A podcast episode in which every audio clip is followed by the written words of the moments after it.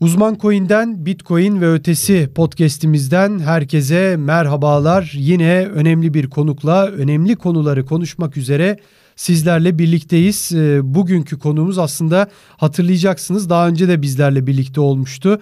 E, Bahçeşehir Üniversitesi Hukuk Fakültesi öğretim üyesi Çağan Tansel bizlerle olacak. Kendisiyle tabii birçok konuyu konuşacağız. En son yaz aylarında bizlerle birlikte olmuştu. Kripto paraların Türkiye'deki statüsü, dünyadaki statüsü, Amerika'da ne oluyor ne bitiyor, SEC, CFTC'nin bakış açıları ve bu kurumların arasındaki mücadeleler. Burada Bitcoin'in aldığı rol, ona biçilmeye çalışılan rol, sabit coinler derken böyle geniş perdede konuları konuşacağımız ve tabii ki şu anda neler oluyor Amerika'da ve Türkiye'de tüm bunları konuşacağımız bir podcast'te yine sizlerle birlikteyiz. Şahan Hocam hoş geldiniz. Merhabalar. Hoş bulduk. Merhabalar. Teşekkürler. Evet dediğim gibi yani çok geniş yelpazede konularımızın evet. olduğu bir podcast. Aslında geçen sefer de e, biz bunları konuşmuştuk ama çok daha bir nasıl diyelim ne ne değildir. iki kere iki dört tarzında biraz daha basit şekilde siz anlatmıştınız. Burada biraz daha hı hı. hem güncel olaylara değineceğiz. E, çünkü o zamandan beri köprünün altından çok gerçekten çok evet. sular aktı. SEC gaza bastı adeta Hı hı. İstiyorsanız hatta hemen başlayalım. Girizgahı çok da Tabii. uzatmayayım ben. Oradan başlayalım. Yani Gary Gensler'a özellikle FTX'in çöküşünden sonra Kasım ayında çok tepki geldi Doğru. SEC başkanına. Hı hı. Yani Amerika'da şu hep deniyordu. Siz e, işte Kim Kardashian'ın sattığı tokenlarla, reklam yaptığı tokenlarla çok ilgileniyorsunuz ama önünüzde FTX gibi milyar dolarlık bir e, proje, bir e, borsa batıyor ve buna karşı hiçbir şey yapamadınız evet. dedi. Evet. O da biraz daha tabii politik olarak dedi ki evet dedi biz çok daha fazla operasyon yapmaya başladık. Hazırlıklarımız başlıyor. Göreceksiniz dedi ve gaza bastı. Hı hı. Ve sabit coinler, kripto para şirketleri adeta işte menkul kıymettir lafları bunların hepsini zaten uzman coin takipçileri de görüyorlar.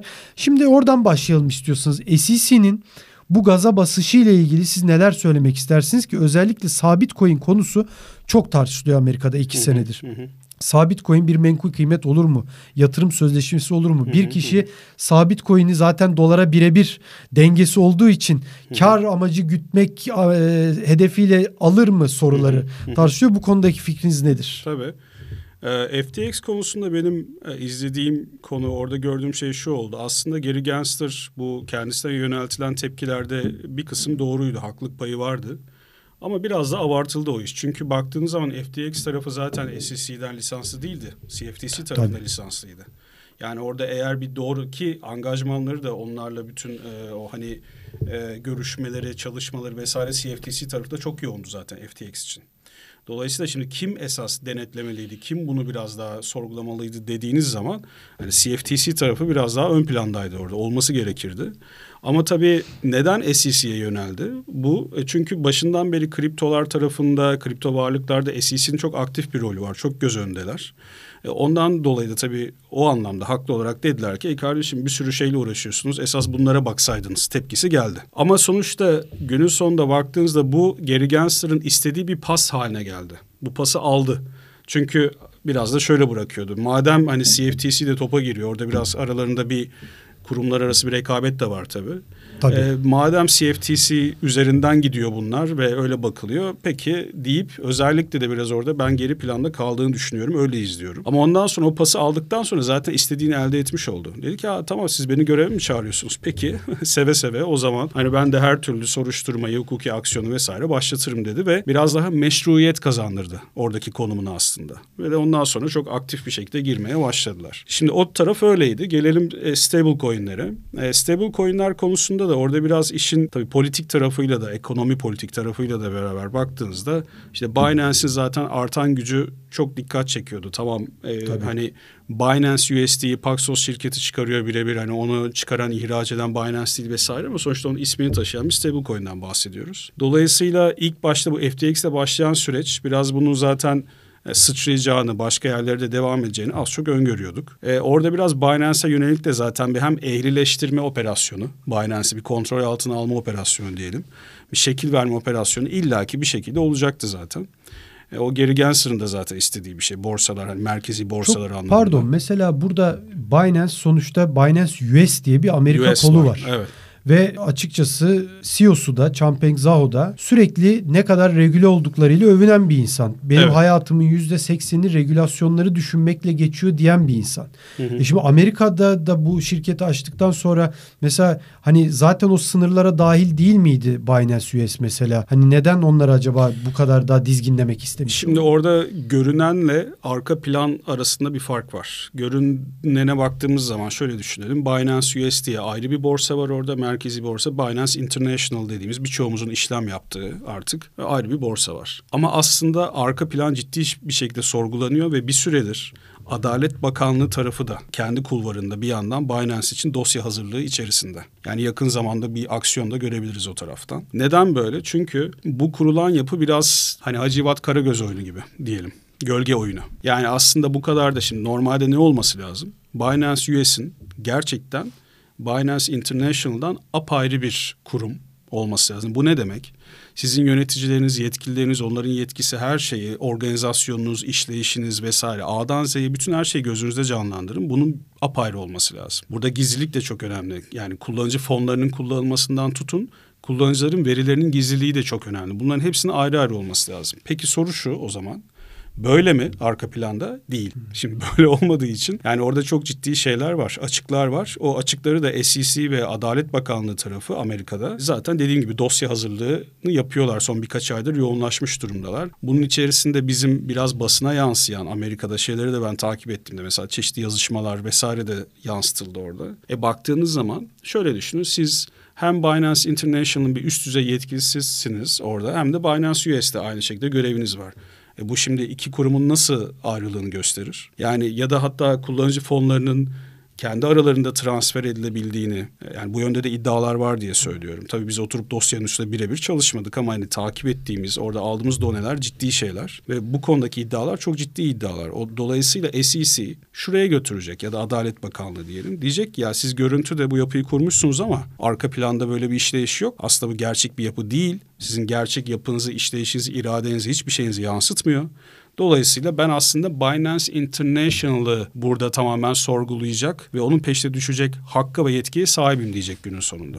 Evet. Oraya doğru gelecek. İşin sabit coin kısmını anlatıyordunuz aslında. Ben araya girmiştim. Oradan evet. yani bir menkul kıymet olabilir mi bir sabit coin? Çünkü hep hani bir kar amacı evet, gütme evet. durumu söz konusu Hı-hı. olduğu için o işlerde. Sabit coinlerde şöyle şimdi orada alt coinlerle sabit coinleri ayırarak bakabiliriz. Sabit coinlerdeki esas tartışma yani bir orada bir yatırım sözleşmesi o nitelikte bir sermaye piyasası aracı diyelim. Olabilir mi tartışmasından ziyade bunlar bir hani payment token olarak baktığınız zaman bir para birimi ya da bir ödeme aracı takas aracı gibi kullanılabilir mi gibi tartışmalar aslında daha çok var. Ama altcoin'lerde hani bunlar yatırım sözleşmesi olur mu diğer altcoin'ler açısından bakarsak tartışması devam ediyor hala. SEC zaten işte Gary Gensler yakın zamanda çıktı açıklama yaptı. Ee, biraz onun ön sinyallerini de vermişti son bir iki aydır aslında. Yani sonuçta dedi ki Bitcoin bir tarafa gerisi her şey Ethereum dahil her şey bir tarafa. Bütün her şey security'dir. Ne anlamda security? Yani sermaye piyasası aracıdır. Yatırım sözleşmesi niteliğinde onu tartışıyorlar. Bitcoin emtiadır dedi. Bu özellikle e, hani merge'den sonra şeyde Ethereum'da e, proof of stake'e geçildikten sonra zaten bunun sinyallerini vermişti geri Gensler. Bu açıklamalar biraz yapılmaya başlamıştı. Yani Tabii. olabilir artık o MTA özelliğini kaybetti. Eskisi gibi değil. Proof of Work'ü terk edince sanki daha bir security o yatırım sözleşmesi tarafına döndü tarzında açıklamalara başlamıştı. Şimdi artık net bir şekilde söylüyor bunu. Kendi fikri beyanı olarak net bir şekilde söyledi. Dolayısıyla tartışma şu anda güncel olarak şuna evrilmiş durumda. Ethereum dahil diğer altcoin'ler yatırım sözleşmesi midir? Bu anlamda bir sermaye piyasası aracı mıdır? Keza Bitcoin'de hani emtia mıdır? Bu doğru bir ayrım mıdır? Bunun üzerinden regülasyon yapılabilir mi? diye evet. gidiyor şu anda. Şimdi menkul kıymet ve yatırım sözleşmesi konusuna aslında bir kez daha değineceğim. Evet. Çünkü siz buna çok önem veriyorsunuz ama onun öncesinde şunu da ben sormak istiyorum. Biraz önce de söylediniz. Kurumlar arası mücadele Amerika'da çok vardır. Hani e, evet. e, filmlerde bile görürüz bazen. Tabii, hani tabii. bir polisiye bir durum olduğu zaman işte şerif gider. Şeriften sonra FBI gelir. İşte şerif der ki burası benim bölgem. Biz evet. FBI'yiz. Çekil şerif. evet. Ben burada hayatta size izin vermem Eyalet falan. polisiyle ha, federal tabii, polis tabii. arasında tabii. çekişmeler olur. Her zaman o çekişme olur. Aslında evet. ciddi de bir gerçek gerçeklik payı vardır. Biz devraldık diye gelirler Tabii, böyle. Evet o onu işte yediremez kendine Şerif evet. siz yokken biz vardık gibi. Şimdi e, burada da Mesela geçtiğimiz hafta FED Başkanı Powell Senato karşısında konuşurken ona tabii çok kripto soruları geldi ama aynı saatte Senato'nun başka bir komisyonunun karşısında da mesela CFTC Başkanı hı hı. konuşuyordu. Ve CFTC Başkanı Rostin Behnam'dı zannediyorum. CFTC Başkanı da şunu dedi. Yani Bitcoin evet emtiadır. Zaten herhalde en az tartışılan şey evet, hiç tartışılmayan evet. konu o. Bitcoin emtiadır ama Ethereum da emtiadır gibi bir söz söyledi hı hı. ve Amerikan basınında Powell'dan dolayı bu açıklama biraz güme gitti tırnak Hı-hı, içinde. Evet. Yani bu çok ön plana çıkmadı. Şimdi burada hem kurumlar arası mücadele hem kripto paraların durumu baktığınız zaman Hı-hı. sizce belki çok biraz da hani çok basit bir soru olacak ama kim yönetmeli kripto paraları? Yani kim regüle etmeli? İkisi arasındaki bu çekişmeyi artık herkes biliyor. Sizce nedir buradaki durum? Yani kendilerine göre haklı tabii sebepleri de var iki başkanın. Evet yani şöyle iki türlü cevap vereyim kendileri açısından onların gözünden baktığımızda bunlar yeni dönemin artık yani yeni bir döneme hep geçiş yapılıyor diye konuşuyoruz, değerlendiriyoruz ve bu yeni dönemin artık e, yapısından bahsediyoruz. Burada çok büyük bir nüfuz, bir güç söz konusu. Dolayısıyla hani neyin peşindeler, neyi paylaşamıyorlar diye baktığınız zaman e şimdi düşünün kripto paraları, kripto varlıkları. Yani burada Bitcoin'in ve Ethereum'un yeri bambaşka. E diğer altcoin'lerin hepsini toplasanız bir Bitcoin, Ethereum etmez. E, bu kolay kolay da öyle çok radikal değişecek bir şey değil. Hani bunun yanına üçüncü, dördüncü, beşinci derecede zaman içerisinde farklı altcoin'ler yanaşabilir. Ama sonuçta Bitcoin'in, Ethereum'un durumu hani tarihsel olarak, algı olarak yani ekonomik anlamda her anlamda başka. Şimdi dolayısıyla burada eğer yetkiyi siz elinize geçirirseniz yani kurum olarak bir kere her şeyden önce çok güçlü bir konuma sahip olacaksınız. Ona göre sizin hani şeyden günlük işleyişteki o kadronuzun genişlemesinden tutun Esas tabii mesele o değil. Yani oradan başlayın demek istiyorum en basit haliyle en nitelikli yukarılara doğru götürün. Yani bütün o politikaların yapılması, ekonomik, finansal güç, söz sahibi olmak her şey sirayet edecek evet. bir şeyden bahsediyoruz. Kendi açılarından durum bu. Ama benim görüşümü, fikrimi soracak olursanız, ya bence ideali e, burada SEC veya CFTC tarafından doğrudan özellikle Bitcoin ve Ethereum açısından biraz daha söylüyorum ayırarak. Bence çok daha özgün, çok daha yeni anlayışla böyle klasik bir menkul kıymettir, başka türlü bir sermaye piyasası aracıdır, emtiadır vesaire gibi davranmadan aslında yeni bir kategorizasyon yapıp yeni bir tanımlamayla bence yeni regülasyonların yapılması idealdir burada. Bazı unsurları tabii ki mevcut sistemlere benzetilebilir o ayrı bir konu. Ama esas yani çok da böyle belki hani Fed tarafı olabilir. Örnek veriyorum. Fed'in belki şeyine bırakılabilir. SEC'den ziyade, CFTC'den ziyade Fed tarafı olabilir. Ama sonuç olarak çok böyle klasik kavramlara, alışılmış bütün kategorilere sokmadan yeni bir kategori, yeni bir tanım, yeni bir varlık tanım bence yapılması ideal burada. Yani bu yapılırsa bence çok iyi olur. E, bu konuyla ilgili hani şeyi söyleyebilirim. E, çok böyle biz tabii Avrupa Birliği'ni de muhakkak takip ediyoruz. Orada da Mika var, farklı gelişmeler var önemli ama tabii Amerika'nın etkisi ve oradaki hani rüzgar, o rüzgarın dünyaya gelmesi çok farklı elbette. O yüzden tabii farklı önemleri var ve oraya baktığımızda yani CFTC'den açıklamalar geliyor, SEC'den geliyor. Efendim New York işte Güney Başsavcılığı çıkıyor, yeni bir soruşturma başlatıyor, açıklamalar yapıyor yeniyle vesaire. E zaten bekleyen yasa tasarıları şeyler, teklifler var e, şeyde e, yasama tarafında Capitol Hill tarafında gibi gibi. Bunların aslında biraz takip edenler açısından da kolaylık olması için de hani söylüyorum. Hangisi önemli birinci derecede? Yani bir sürü şey çıkıyor da hangisi üste çıkacak? Hangisi daha önemli hale gelecek? Bunların içerisinde meclis tarafı çok önemli. Yani birinci derece meclisi yazmamız gerekiyor. Orada çünkü şu anda bütün blockchain ve kripto varlıkları etkileyecek olan Amerika'dan başlayarak dünyayı etkileyecek olan mesela beş tane şey var. Yasa teklifi var bekleyen. Aslında bunlar çok göz önünde değil konuşulmuyor. Çünkü biraz da tabii popüler figürler oldular. Mesela Gary Gensler çok daha popüler bir figür oldu kripto sayesinde. Yani hepsini keser, hepsinin üstüne çıkar oradaki yasa yasalaştığı zaman oradaki düzenlemeler. SEC'nin ne dediği, hukuki olarak ne aksiyon aldığı çok daha böyle hani önemsiz hale gelir. Anlatabiliyor muyum? O yüzden hani biraz o tarafta da bir yasa çıktı mı ne oldu gibi takip etmek çok faydalı olur. Yani genel öyle bir yorum olarak hani dinleyicilerimize aktarmış olayım. Ama onun dışında muhakkak CFTC, SEC'nin de o mücadelesi Washington'da etkileyecek nitelikte olduğu için e, onu da tabii ki takip etmek önemli. Şimdi o zaman siz biraz şu tarafta konumlanıyorsunuz. Amerika'da bunu kriptocular da çok söylüyor. Kripto şirket CEO'ları, destek veren senatörler yani 1933'lerde 34'lerde çıkmış kanunları artık bugüne entegre edemeyiz, bugüne uyarlayamayız. Hı hı hı. Eleştirisi siz de böyle mi düşünüyorsunuz o zaman? Ee, yani evet, yeni bir yani şey üretelim. Ben orada e, son işte mesela en son birkaç ay önce Amerika'da iken, e, New York'ta iken orada çeşitli sohbetlerde, temaslarda bulunduğum zaman yani orada genel eğilim de aslında şuydu. Hani yeni bir şeyler yapılabilmeli. Yani yeni kavramlar, yeni tanımlarla beraber yeni regülasyonlar yapılabilmeli. Ama tabii bunun için hani kolay da bir şey değil. Bir kere Washington'dakilerin eğitilebilmesi lazım. Evet. Onların anlayabilmesi lazım. Burada çok sağlam bir angajman birebir gidip angaja olup orada yani aslında şu konuşuluyordu. Yani Washington DC'de kamp kurulması gerekiyor resmen. Bu kamp 3 ay da sürebilir, 3 yıl da sürebilir. Ama sonuçta biz eğer yeni bir dönem anlayışıyla bir şeyleri her şeyde bu arada düzenlemekten bahsedilmiyor. Yani bence zaten her şeyin de düzenlenmemesi lazım. Yani mümkün olduğu kadar daha çerçeve bir anlayışla hareket edip her şeyi çok detaylı bir şekilde düzenlemeye tabi tutmadan bazı yerleri de biraz böyle uygulamaya bırakarak da gitmek lazım. Orada çok iyi bir denge evet. olması söz konusu ama bunlar sadece hani gidip konuşularak, anlatılarak yapılacak işler değil. Yani gerçekten işin bilgi, yani hem teknik bilgi, hukuk bilgisi, finans bilgisi her anlamda gidip biraz işin böyle bir on job training derler ya böyle hani iş üstünde eğitim. Hani o anlamda da çok Yaşanmış çalışanlar var. Yani çok peşte düşenler var. Onlar sosyal medyada falan çok görünmüyor, konuşulmuyor tabii. Hep böyle SEC, CFTC çok daha ön planda. Ama aslında arka planda ciddi bir efor var yani orada Amerika'da. Evet.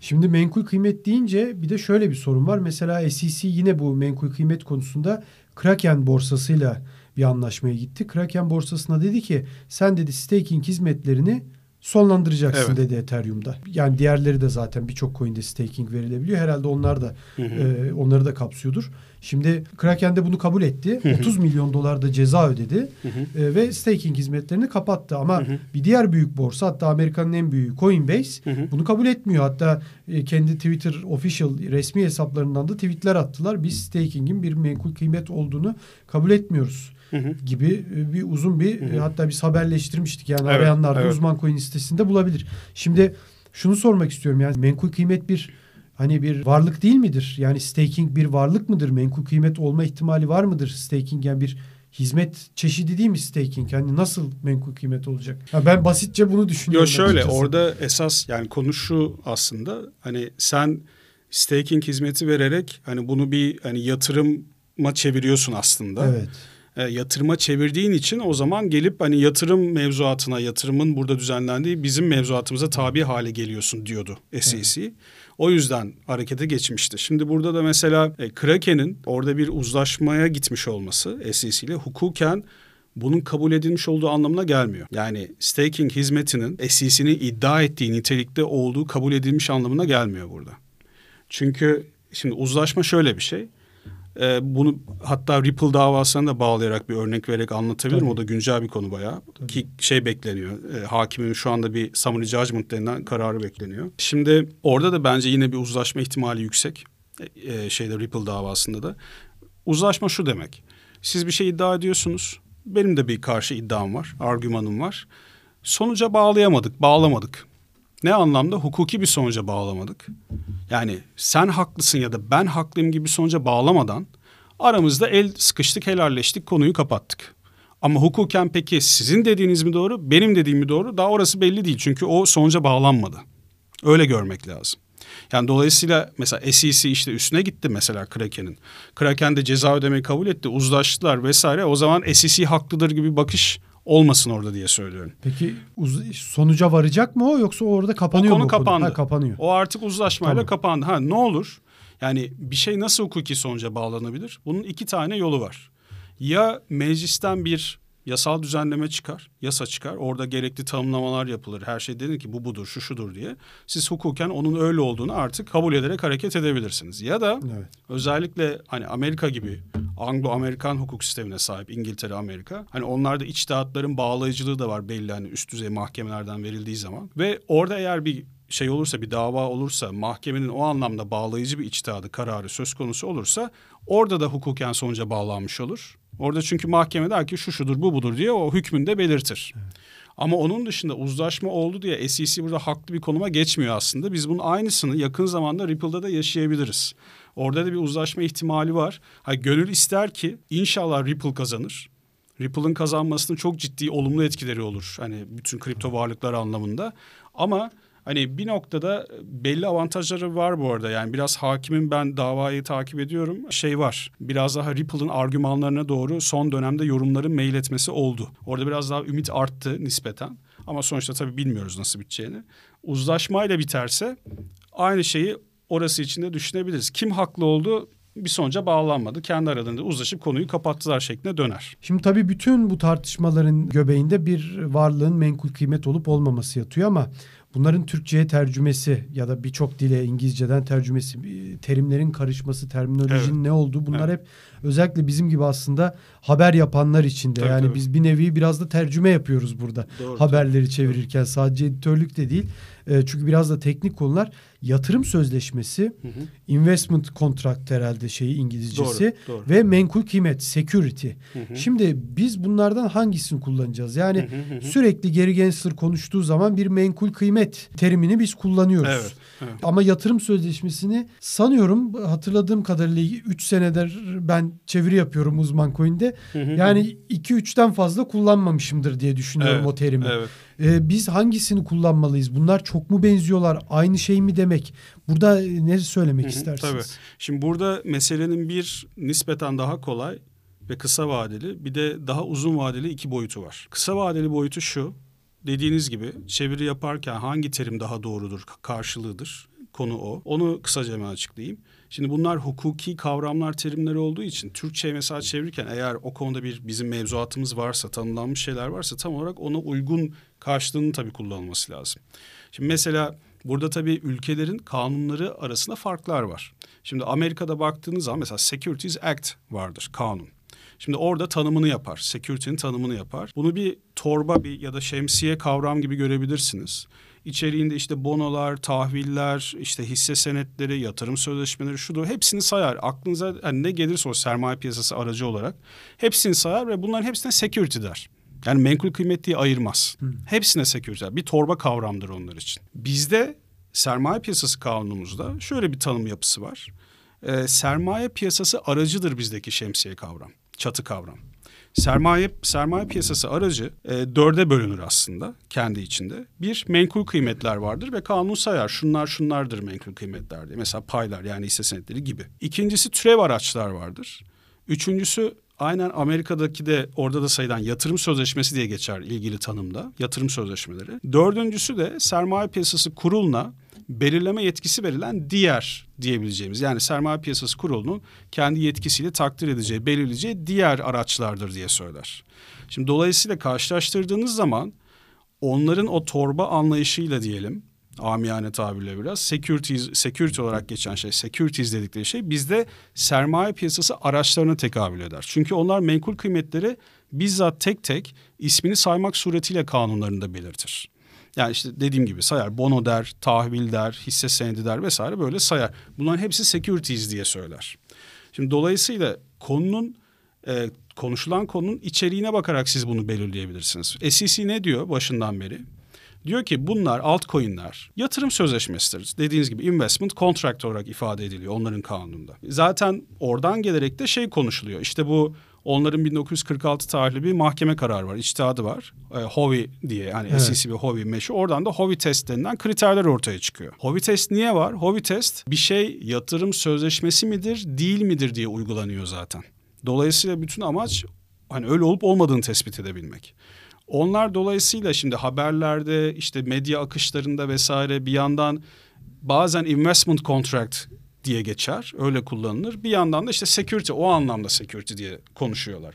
Ama bizde menkul kıymet dediğiniz zaman bizim o yapımızı bahsettiğim yapıyı düşündüğünüzde aslında dört gruptan bir tanesi yatırım sözleşmesi zaten bizde.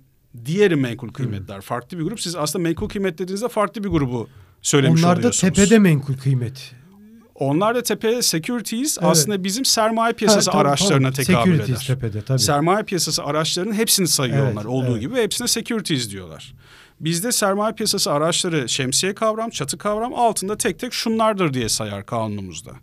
Dolayısıyla menkul kıymet ayrı bir alt kategoridir. Yatırım sözleşmesi ayrı bir alt kategoridir baktığınız zaman. O anlamda hani bu konuşulan konular kapsamında doğru çeviri yatırım sözleşmesi denebilir evet. bir spesifik olarak. İkincisi sermaye piyasası aracı olup olmadığı da hani biraz daha çatı kavrama gelirseniz öyle de söylenebilir. Şimdi bu kısa vade yani bu hem hukuki terimleri burada bizde çünkü dediğim gibi kanunu var, mevzuatı var, tanımlanmış durumda. Neye tekabül ediyor diye doğrusunu kullanma konusu önemli tabii. Ee, bir taraftan da şimdi uzun vadeli tarafına geleyim. Burada da doğru tartışma konularının ve bizim Türkiye'de de resmi kurumlarla doğru bir şekilde aslında bir şeyi oturup konuşabilmemizin ya da onlara hani e, şey anlamında vatandaş baskısı ya da yatırımcı baskısı anlamında o doğru baskıyı koyabilmenin de önünü açan bir şey. Neden? Şimdi bakın ne dedim ben size bizim kanunumuzda yatırım sözleşmesi diye bir şey geçiyor kategori olarak. Öyle detaylı bir hiçbir düzenlemesi yoktur. Tanımlarda geçer falan öyle yani geç, geçirilmiş ve o konuda da pek çalışılmış bir şey yok Türkiye'de. E, Avrupa'da da yok bu arada pek yatırım sözleşmesi. Esas Amerika'dan gelen bir şey. Dolayısıyla siz dönüp aslında bu işin merkezi, kökü neredeymiş, nerede yatırım sözleşmesi düzenlenip kullanılıyor diye baktığınız zaman Amerika'yı görüyorsunuz. Ve orada ben de şunu söylüyorum örnek olarak. Yani son işte 3-4 yıldır sürekli SEC altcoin'leri security mi yapacak? Evet öyle yapacak. İşte Gary Gensler açıklama yaptı. Yani investment contract mi? Bu sürekli tartışılıyor değil mi? Bunun üstüne bir sürü işte guidance'lar çıktı, davalar açtı, SEC hala Tabii. tartışıyoruz vesaire. Türkiye'de hiçbir şey yok. Aslında Türkiye'de de bunun tartışılması lazım şu anlamda. Şimdi menkul kıymet derseniz tartışamazsınız. Çünkü menkul kıymet yasada bizim kanunumuzda tanımlanan sayılan şeylerdir. O kategoriye, o niteliklere uyuyorsa bir şey menkul kıymettir, uymuyorsa değildir. Ama şimdi yatırım sözleşmesi gözüyle bakarsanız o zaman şunu diyebilirsiniz mesela. Bir, yatırım sözleşmesi bizim kanunumuzda da var. Bir sermaye piyasası aracı olarak tanımında var. İki, sermaye piyasası kuruluna zaten bir diğerlerini de sen belirleyebilirsin diye tanımlarda zaten bir yetki de verilmiş aslında. Dolayısıyla bu kadar dünyada bir taraf Amerika gibi bu kadar herkesin takip ettiği bir taraf yanıp bitiyorken bu kadar tartışılıyorken yatırım sözleşmesi midir değil midir vesaire en azından yani biliyorsunuz sermaye piyasasında ana amaç ana motivasyon yatırımcının korunmasıdır zaten. Dolayısıyla yatırımcının korunması anlamında da bakabilirsiniz. Dünyaya entegre olup yine bir hani öncü olma ya da o öncü olanlara katılma anlamında da bakabilirsiniz. Burada mesela hani yatırım sözleşmesi midir değil midir'e bizim de bir yorum getirebilmemiz, takip ederek, benzeterek burada bizim de belki kendi rehberlerimizi, kılavuzlarımızı çıkarabilmemiz söz konusu olabilirdi. Yani buna göre aslında bütün angajmanlar Türkiye'de de kurumlarla olan angajmanlar, yani bütün görüşmeler, baskı unsurları vesaire düşündüğünüz zaman bunlar olabilirdi ama hiç olmuyor. Bu Neden? konuda gerekli... Menkul kıymet dediğiniz anda zaten bloke edersiniz her şeyi. Gerekli profesyoneller var mı bizde bu konuda bu konuyu tartışabilecek, bir karara varabilecek ya da gerekli ilgili yönetmelik olur, kanun teklifi, e, tasarısı yazmak olur. Yani Amerika gibi. Ya tabii Türkiye'de var muhakkak mı? muhakkak var. E, bu işin dediğim gibi hani evet. çok cepheli zaten interdisipliner bir alandan bahsediyoruz. Bunun hukuki tarafı var, finans tarafı var. Yani muhakkak tabii. yani burada bir hukuk politikası tarafı çok önemli. Zaten resmi kurumlar var bunların konuşulabileceği. Ben şunu söylüyorum. Her şey ilk başta Şimdi do, bir, birinci seviyede doğru kavramlarla başlar. İkinci seviyeye geçtiğiniz zaman doğru kavramlarla doğru soruları sorabilirsiniz. Üçüncü seviyeye geçtiğinizde doğru sorularla doğru tartışmaları yaratabilirsiniz. Dördüncü seviyede doğru tartışmalarla doğru konuları ve yasal düzenlemelerin önünü açarsınız. Yani her tabii, şey böyle tabii. zincirleme gider. Şimdi biz daha işin başında, başında zaten yanlış yaparsak zaten tıkanır kalırız orada. Çünkü yani bir kere kavramı doğru kurmadık. Çünkü tabii. Onu kurduğunuzda 1, 2, 3, 4 diye gidiyor. Onu kurmadığınızda hani adım atlayamıyorsunuz. Birden dörde, üçe atlayamazsınız. Tabii. İşin doğal gidişatı böyle. Bu anlamda da hem stratejik tarafta hem hukuk politikası anlamında hem yine yatırımcının korunması anlamında hani birçok cepheye bu dokunan bir konu uzun vadeli böyle geniş baktığımız zaman doğru terimi ve doğru dili kullanmanın daha ötesine geçen bir şey benim gözümde bu. Şimdi tabii e, bu yatırım sözleşmesi konusu e, dediğiniz gibi çok e, geniş bir kavram aslında ve teknik de bir kavram ama siz burada mesela DAO'ların önemli bir rol oynayabileceğini düşünüyorsunuz. Evet. E, bu anlamda. Buradan ne, neyi kastediyorsunuz? Yani DAO'lar ne yapabilir bir varlığın yatırım sözleşmesi hı hı. olmaması için? Hı hı hı. DAO'ların şöyle bir önemi var. Şimdi bu e, yine Amerika'daki bu yatırım sözleşmesi anlamında security midir değil midir tartışmasına baktığımız zaman burada çok önemli unsurlardan bir tanesi işte o HOVI test dediğimiz yine testin o kriterlerin bir tanesi şu. Diyor ki siz yatırım amacıyla para ya da parasal değeri olan bir şeyi veriyorsunuz, yatırıyorsunuz birilerine yani üçüncü kişilere. Ve o üçüncü kişilerin tamamen kendi kararlarıyla, kendi organizasyonlarıyla diyelim, kendi çabalarıyla yani siz hiçbir şeye karışmıyorsunuz. Siz sadece yatırdınız ve dışarıdasınız. O üçüncü kişilerin bütün bu unsurlarıyla beraber elde ettiği karı bekliyorsunuz. Böyle bir beklentiniz var. Bu beklentiyle yatırım yapıyorsunuz. Onlar kar edecek. Siz de onun üzerinden kar Sizin yatırdığınız şey, tabii. para yatırdığınız varlık diyelim. Evet. Onların çabalarıyla, onların kendi kararlarıyla ve yönetimleriyle ne hale gelecekse eğer kar edebilecek hale gelecekse sizin beklentiniz tabii kar etmek burada. O zaman hani siz o şekilde o karı alıyorsunuz. Mesela bu çok önemli bir unsuru, kriteri ve çok tartışma konusu şu anda. Şimdi bu tabii tek başına dünyayı kurtaracak bir şey değil. Yani başka alt kriterler de var ama bu önemli bir şey diye özellikle söylüyorum. Şimdi burada da baktığınız zaman geri Gensler'a yine gelelim. Çünkü hani iş onların başının altından çıktığı için. Şimdi ne diyordu? Onu bir hatırlamamız önemli. Diyordu ki ya mesela merkeziyetsiz finans diyelim ki bir örnek. Hatta Uniswap'ı falan örnek vermişti. Oradan da devam edeyim ben. Diyordu ki ya şimdi adım merkeziyetsiz, decentralized. Güzel, her şey çok güzel ama şimdi burada baktığınızda ne nedir decentralized olan? Aslında akıllı sözleşmenin çalışması decentralized. Herhangi bir işte banka ya da başka bir resmi kurum gibi bir aracı kuruma ihtiyaç duymadan işlemin sadece iki tarafını bir araya getirip otomatize bir şekilde bir şeylerin işlemesini sağlıyor akıllı sözleşme değil mi? Dolayısıyla fiilen operasyon anlamında bir merkeziyetsizlik var. Kabul ediyorum dedi zaten bunu. Okey. Ama yönetim ya da yönetişim olarak baktığınız zaman hani burada o platformla ilgili kararların alınması, uygulanması, farklı özelliklerin et, e, diyelim ki eklenmesi ve buna göre şimdi ne var Uniswap'ta? Unitoken yok mu? Var. Şimdi tabii. mesela Unitoken'ın değeri diyor. Kimden etkileniyor? Yani aslında sen işte bu üçüncü kişiler yani sen mesela diyor ki Unitoken sahibisin, ey kullanıcı. Sen herhangi bir şekilde Uniswap platformunun diyelim yani akıllı sözleşmesinin, protokolün burada işlemesine etki edebiliyor musun? Kararlarda var mısın? Mesela yoksun. Yani yoksan o zaman yönetim anlamında e sen tamamen üçüncü kişilerin eforuna bağlı olarak bir kar beklentisi içerisindesin diyor. MakerDAO'da bu var sanki. Uniswap'ta yok mu? Uniswap'ta da şöyle bir şey var. Şimdi Uniswap'ta da aslında baktığı zaman bir DAO var bu arada. Evet. Onun için sanki var gibi. Evet, Uniswap'ta ama... bir DAO var. Ama şimdi o şeye benzeteyim. Hani Binance US ve International evet. Hacivat Karagöz benzetmesi yapmıştık ya. Şimdi burada da aynı şey söz konusu. Şimdi DAO var da yani DAO'nun tabii hani mantığına, anlamına uygun bir halde kullanılması önemli. Şimdi evet. en azından şuna bakıyorsunuz. Bu bir governance token anlamında, bir yönetim token anlamında da Uniswap'ın işte o yetkisi veriyor. Ama şimdi hangi cüzdanlar arasında bunlar paylaşılmış? İşte atıyorum bu tabii her case'e göre ayrı bakmak lazım, değerlendirmek lazım. İşte private sale yapılıyor, bir ön satışlar yapılıyor, kurucu ekibe tokenlar veriliyor. Ondan sonra bir de sonradan hani piyasaya sunulan governance tokenlar kaç cüzdan arasında mesela paylaşılmış vesaire. Şimdi bunlar hep bakıp bir profil ortaya çıkarmanız lazım. Şimdi bunlar çıktığı zaman e, biz baktık mesela işte bakıyorsunuz öyle bir konsantre olmuş bir governance token yapısı var ki şeyde Uniswap'ta.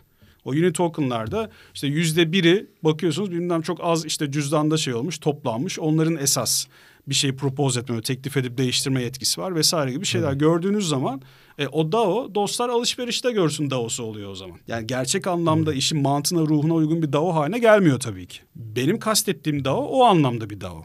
Yani eğer çok daha fazla bir sürü cüzdana hani tabii bu arada şeyin garantisi yok. Onda ayrı bir çalışması yapılır parantez söyleyeyim. Hani belki bir kişinin yüz cüzdanı vardır. Yani sadece cüzdan sayısı tek başına garanti etmez tabii ki. Ama en azından bir şeydir, e, bir sinyaldir ilk başta o çalışmaları yaptığınız zaman. E, onu tabii ki arka plana da geçip peşine de düşebilirsiniz. O ayrı konu. Şu anlamda söylüyorum. DAO'yu kurduğunuzda bir projeyi yönetirken bir yönetim amaçlı olarak kur, kurduğunuzu zaten bunu çok açık bir şekilde deklare etmeniz lazım bu yönetimin governance tokenları orada yönetim tokenlarını tutan kişiler tarafından sağlanacağını çok açık net beyan etmeniz lazım. Pratikte de bunu ispat edecek şekilde de işleyebilmeniz gerekiyor tabii ki. Tutarlı olmalı. Tutarlılık evet. çok önemli. Yoksa öyle e, ben governance token çıkardım ama 3-5 tane cüzdan aşağı yukarı bilmem %50'sine 60'ına sahip. E zaten tek başına onu da teklif edebilir. Onun yönetimi çok ciddi konsantre olmuş durumda derseniz daha onun da bir esprisi olmaz. Hı. Ama benim dediğim tarzda olursa o zaman yani o zaman ne oluyor? Siz şunu e, e, geri Gensler'ın argümanını kırabilirsiniz orada. Çok önemli bir nokta. Dersiniz ki bir dakika burada bizim öyle klasik bir şirket yönetim kurulu vesaire gibi yapımız söz konusu değil. Öyle bir yönetici grup yok. Biz yönetim konusunda bu projede DAO'muzu kurmuş durumdayız Ve ciddi anlamda bir topluluk oluştu. İnsanlar buna bir teveccüh gösterdi. Çünkü Gary Gensler şuna bakıyor. Yahu sen Bitcoin'de olduğu gibi daha dağıtık bir topluluk, bir komünite oluşturabildin mi, oluşturamadın mı? Aslında buna bakıyor. Bu, bu aslında doğru bir soru. Eğer siz bunu ispatlayabilirseniz işte DAO bu anlamda bir enstrüman, bir araç, bir hani yapı sağlıyor size. Bunu pratikte de gerçekten evet bak çok daha tabana yayılmış bir şekilde. Hani kullanıcılar geliyor, propose edenler var. Mesela çünkü sonrasında SEC incelerken size şunu soracak. Peki son bir yıl içerisinde bu sizin community dediğiniz şeyden, bu topluluktan, şeyden yani proje topluluğundan kaç tane farklı şey geldi, proposal geldi, teklif geldi diyecek mesela. Kimlerden geldi, kaç farklı cüzdandan geldi örnek veriyorum. Ve bunun kaçını kabul ettiniz, kaçını hayata geçirdiniz? Şimdi bunları eğer somut cevaplar verebiliyorsanız işte bu, bu, bu diye arkasını doldurabiliyorsanız o zaman mesele yok. O, çok daha kuvvetli bir şekilde şunu savunursunuz. Benim burada projemi, ya benim projem diye bir şey yok aslında zaten.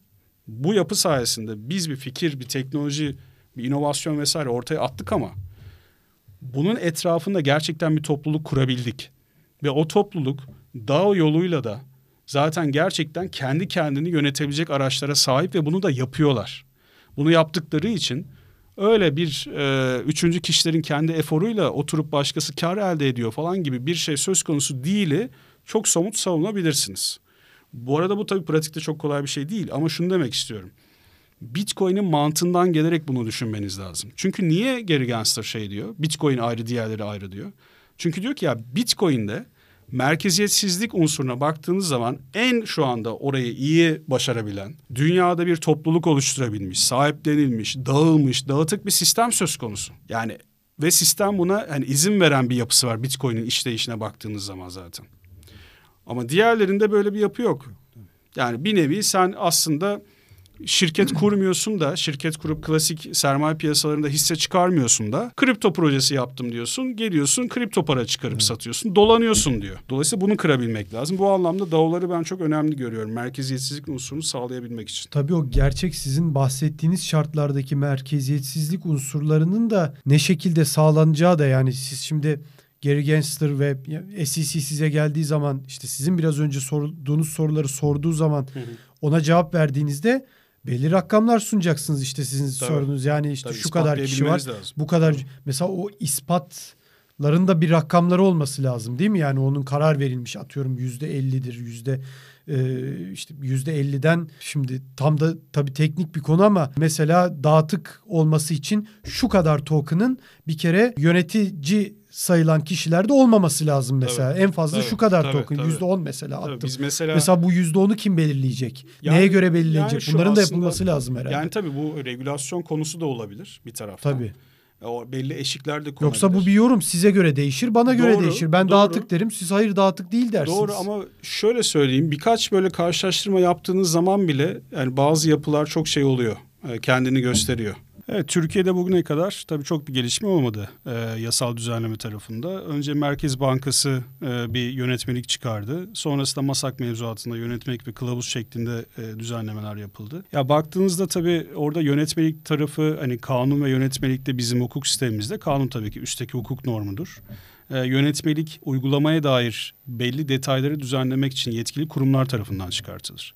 Şimdi dolayısıyla ben kendi hani hukukçu olarak görüşümü burada ifade etmem gerekirse ben yönetmeliğin burada doğru hukuki enstrüman olmadığını zaten düşünüyorum. İki sebepten dolayı. Birincisi yönetmeliğin içeriğine, yönetmelikte düzenlenen konulara baktığınız zaman bunlar çok daha aslında kanun diliyle yazılmış. Çok genel geçer, hepimizin hakkını, hukukunu etkileyen konular. Ee, şimdi bu bir kere yönetmelikte yapılmaz, yapılmamalı bu birinci konu. İkincisi zaten dediğim gibi bu kadar hepimizin hakkını, hukukunu yani genel olarak ülkedeki herkesin burada yatırım tercihi olur, ekonomik durumu olur, e, kuracağı bu kripto varlıklarla ilgili kuracağı iş modelleri olur, şu olur, bu olur. Eğer siz bunlara yani hem düzenleme ve önünü açma anlamında bakalım hem de belli limitler, yasaklar koyma anlamında bakalım. Eğer siz bunları düzenleyecekseniz bunun doğru enstrümanı kanundur. E, meclis tarafından bir yasama faaliyeti sonucunda o kanunla düzenlenir. Genel geçer uygulanacak hukuk normu oluşturulur. Benim görüşüm bu şekilde. Ben böyle yapılması gerektiğini düşünüyorum. Yani mahkeme kararları anlamında da bizde şimdi sistemi öncelikle kısaca anlatmam lazım. Bizim e, Türkiye'de hukuk sistemimiz dünyada iki tane hani hukuk sistemi var aslında esas baktığınız zaman ülkelerin dağılımına. Bir hani Anglo-Sakson, Anglo-Amerikan olarak ifade ettiğimiz hukuk sistemi var. Daha içtihat hukukudur, common law olarak geçen. İşte Amerika, İngiltere, e, Avustralya, Yeni Zelanda, başka tabii birkaç ülke daha var ama bunlar başlıca esas bu hani hukuku Kanada keza tabii. Bunları uygulayan ülkeler. Onun dışında bir de Roma Cermen kaynaklı e, kıta Avrupası dediğimiz hukuk sistemi vardır. Şimdi biz Türkiye olarak kıta Avrupası hukuk sistemine tabiiz. Yani biz bunu uyguluyoruz. Burada temel farklılıklar tabii benzer tarafları da var ama esas temel farklılıklar şunlardır. Şimdi bizde eğer bizim sistemimizde yasal düzenlemeyle yani kanunla başlayarak burada belli tanımlamalar hani anayasa onun altında kanun sonra işte yönetmelik vesaire gibi aşağı doğru gider ikinci düzenlemeler. Şimdi burada belli tanımlamalar yapılmamışsa sistem o zaman yani işlemez. Hukuk sistemini siz işletemezsin. Mesela bir malı ithal etmek istiyorsunuz Türkiye'ye diyelim ki. İthal etmeniz için o malın mevzuatta yasal kaynaklarda tanımlanmış olması gerekir. İşte bunun belli bir gümrük kodu, gitip kodu dediğimiz kısaca o koda sahip olması gerekir. Efendim hangi kategoride bir mal olduğunu vesaire belirlenmesi gerekir. Dolayısıyla bunlar olur. Ondan sonra mahkemeler burada kodifiye edilmiş, düzenlenmiş kavramları, hukuki mekanizmaları uygulamaya ve yorumlamaya girişir. Yoksa hani ortada hiçbir şey yokken mahkeme ben tamamen kendi kafama göre hukuk yaratıyorum diyemez. Kuvvetler ayrılığına da aykırıdır. Çünkü o zaman yargı yasamanın yerine geçmiş olur. Burada o mu olmuş oluyor şimdi? Hayır. Biraz? Şimdi bizde olan şey şu. Son dönemde biraz basına yansıyan birkaç tane karar vardı. Ee, onlar da şu şeyler var. Bizde yine kanunlarımızın aslında izin verdiği ölçüde hakimin yine bir yorum yetkisi var. Hiç yok değil. Ama bunun bir temeli olması lazım. Onu demek istiyorum. Şimdi mesela şöyle bir konu yansıdı. İşte e, Bitcoin diye yanlış hatırlamıyorsam tabii biz de basından takip edebildiğimiz kadarıyla görüyoruz. Ben hani dosyanın avukatı değilim tabii. Ama hani içeriği de paylaşılan bilgileri vesaire bir meslektaşımız da sanırım dosyanın vekili olan meslektaşımız da paylaşmıştı. Hani orada şunu söylüyordu. Bir haciz işlemi söz konusu. Yani haciz işlemi uygulanıyor bir borçtan dolayı. Haciz aynı zamanda e, orada e, borçlunun işte bir merkezi borsada sanırım Bitcoin varlıkları da var. Va, Bitcoin'i var. Onun üstüne haciz konabilir mi, konamaz mı? Yani ilk soru buydu. Şimdi buradan yola çıkarak ilgili orada icra hukuk mahkemesi haciz konabileceğini çünkü icra iflas kanununda bizim hani nelerin haciz edilebileceğini düzenleyen maddemiz var. Orada zaten sayar şunlar şunlar aslında parasal değeri olan her şey haciz edilebilir noktasına getirir. Yani ben hani özetleyerek anlatmış olayım. Dolayısıyla orada hakim şunun değerlendirmesini yapıyordu. Bitcoin'in parasal değeri var mı yok mu? Haciz edilebilir bir şey midir? E, parasal değeri olduğu zaten ispatlanabilir. Alınıp satılıyor zaten. Dolayısıyla bence de hani doğru bir şekilde orada bir yorum getirerek onu şey yapmış. Haciz edilebileceğine karar vermişti. Sonra daha güncel olarak yine basına yansıyan bir gelişme olmuş o hukuki süreçte. Ee, şimdi bu bir şey haciz, haciz olduktan sonra taşınır ya da taşınmaz mallar. E bunun bir de satış süreci var. Hani satış yapmak için sattırıp paranızı almak için haciz ediyorsunuz zaten. Tabii. E burada da belli usullere göre yapılır. Yani taşınmazların belli bir usulü vardır. Satış sürecinde taşınır malların belli bir usulü vardır. E burada da tabii hani normalde işte kripto varlıklar, bitcoin vesaire öncesinde tanımlanmış bizim yasalarımızda bir şey olmadığı için neye göre satış yapılacak sorusu orada gündeme gelmiş. Hangi usule göre, prosedüre göre. E orada da tabii haliyle biraz orada kıyas yoluyla benim takip edip gördüğüm kadarıyla e, taşınırların hani satış usulüne tabi olarak bunun satışı organize edilebilir kararı verilmiş. Şimdi dolayısıyla şimdi bu çok spesifik bir konuya dair bir Tabii. karardan bahsediyoruz. Mantıklı da kendi içinde herhalde. Evet, değil mi? evet. Yani hani orada bir kıyas yapacak olsanız en fazla taşınmaz olamayacağına göre yine taşınıra hani benzetebilirsiniz. Şimdi ama bu şu demek değil. Bakın yani farklı yönleri de gitmemesi gerekiyor diye bunu özellikle söylüyorum. İşte bizim artık hukuk sistemimizde bunun bir tanımı yapıldı.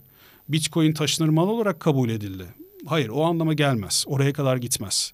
Çünkü bizde zaten biz dediğim gibi hani e, Anglo-Amerikan sistemi gibi mahkemelerin hiçbir yasal düzenleme olmadan da içtihat verebilme gibi bir, bizde mahkemelerin bir yetkisi yok hakimlerin zaten. O ayrı bir konu. Evet. Bir de onun dışında zaten burada dediğin gibi en son hani şu usule göre satış yapılsın diye bir şey verilmiş.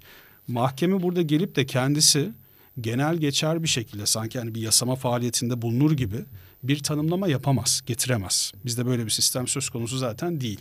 Ha bu arada şeyi de söyleyeyim. Anglo-Amerikan sisteminde de şöyle bir durum var. Mahkeme hatta hani belli bir seviyede üst mahkemeler onların bağlayıcı karar verme yetkileri de var. Böyle bir içtihat çıkarabilir mesela. Der ki Bitcoin'i şöyle yorumladım der. Karar verir ve bu eğer belli bir seviyeden hani biliyorsunuz temize gider vesaire bizde şeyler. Hani üst seviyedeki mahkemelere gidip onlar tarafından da o şekilde kabul edilirse bağlayıcı bir karar haline alır. Ama ne zamana kadar? Orada da şey değil. Yani siz orada mecliste bir kanun çıkartırsanız Oradaki bağlayıcılığı kesersiniz. Meclisin çıkardığı kanun üste evet. geçer orada da. Anlatabiliyor muyum? Zaten orada da şey yok. Hani ucu bucağı açık sınırsız bir e, düzen yok. Bizde tamamen farklı bir düzen var. Bizde bütün genel geçer tanımlamaların, kategorizasyonun, ilgili hukuki sorumluluğun, hukuki rejimin her şeyin mevzuat tarafında yani yasalarımızla düzenlenmiş olması lazım. Dolayısıyla böyle aa işte Bitcoin Türkiye'de taşınır maldır bundan sonra ona tabi olacak falan gibi bir şey henüz bizde söz konusu değil. Seçimden sonra beklenen kanunun zaten gelmesi, genel bir kanunun gelmesi. Daha öncesinde çeşitli çalışmalar yapılmıştı, hazırlıklar vardı vesaire ama esas tabii bu seçim döneminde yani kaldı sonrasında bekleniyor. O zaman o tartışmalar kapsamında ve kanunda nasıl düzenleniyorsa ona göre bakacağız, göreceğiz. Türkiye'nin durumu bu. Biraz daha hani lokal bir durumda yaratılan bir çözüm gibi o zaman evet, mahkemenin evet, aldığı spesifik bir... oradaki şey Tabii. şey anlamında ama evet. dediğin gibi onu getirirken de hakim zaten icra iflas kanunda bir madde var onu yorumlayarak parasal değeri olan her şey evet. haciz edilebilir diyerek Bitcoin'in de haciz edilebileceğini orada hükmü. Dolayısıyla onda bir altı boş değil. Tabii. Zaten bir temeli var orada yani. Kişisel bir hani müdahale değil daha çok. Tabii, tamamen kendiliğinden Tabii. bir hukuk yaratma söz Tabii. konusu değil yani orada. Evet. Çağan Hocam çok teşekkür ediyoruz Rica değerlendirmeleriniz ederim. için. Gerçekten hani siz Bahçeşehir Üniversitesi'nde ders de veriyorsunuz. Evet. Ders gibi de bir podcast oldu açıkçası. Hani teknik konuların tabii sağ olun yani teknik konuların olduğu bir podcast, bir program ama e, hani ben dil okudum. E, Türkçe'ye de çok hani şeyden dolayı evet. çok e, dikkat etmeye çalışırım yazarken de konuşurken de. Sizin de çok akıcı, hani düzgün telaffuzlu bir e, Türkçeniz olduğu için de e, yani teşekkür ederim bu anlamda. Bunun hani, bu son yıllarda Türkiye'de çok bunları e, önemsemiyoruz halk olarak. Evet. Yazı dili, konuşma evet. dili ama çok akıcı ve çok öğretici bir podcast oldu. Tekrardan çok teşekkürler. Oldum. Sağ olun. Teşekkür. Evet, bir podcast'imizin daha sonuna geldik. Yine özel konular, yine özel bir konukla Bahçeşehir Üniversitesi Hukuk Fakültesi öğretim üyesi Çağan Tansel'le birlikte e, ki dediğim gibi Kendisi e, üniversitede blok zinciri konusunda dersler de veriyor özel olarak. E, yani sınıflara tabii özel olarak derken konu anlamında. Gerçekten bu anlamda e, Türkiye'de bazı e, güzel gelişmelerin olduğunu da zamanla görmeye başladık. E, dileriz ki bunlar çok daha e, ilerleyecek ve e, blok zinciri, kripto paralar, e, bitcoin özellikle bu anlamda ülkemizin geri kalmadığı alanlardan biri olacak diyelim ve herkese tekrardan iyi günler dileyelim. Bir sonraki programda görüşmek dileğiyle.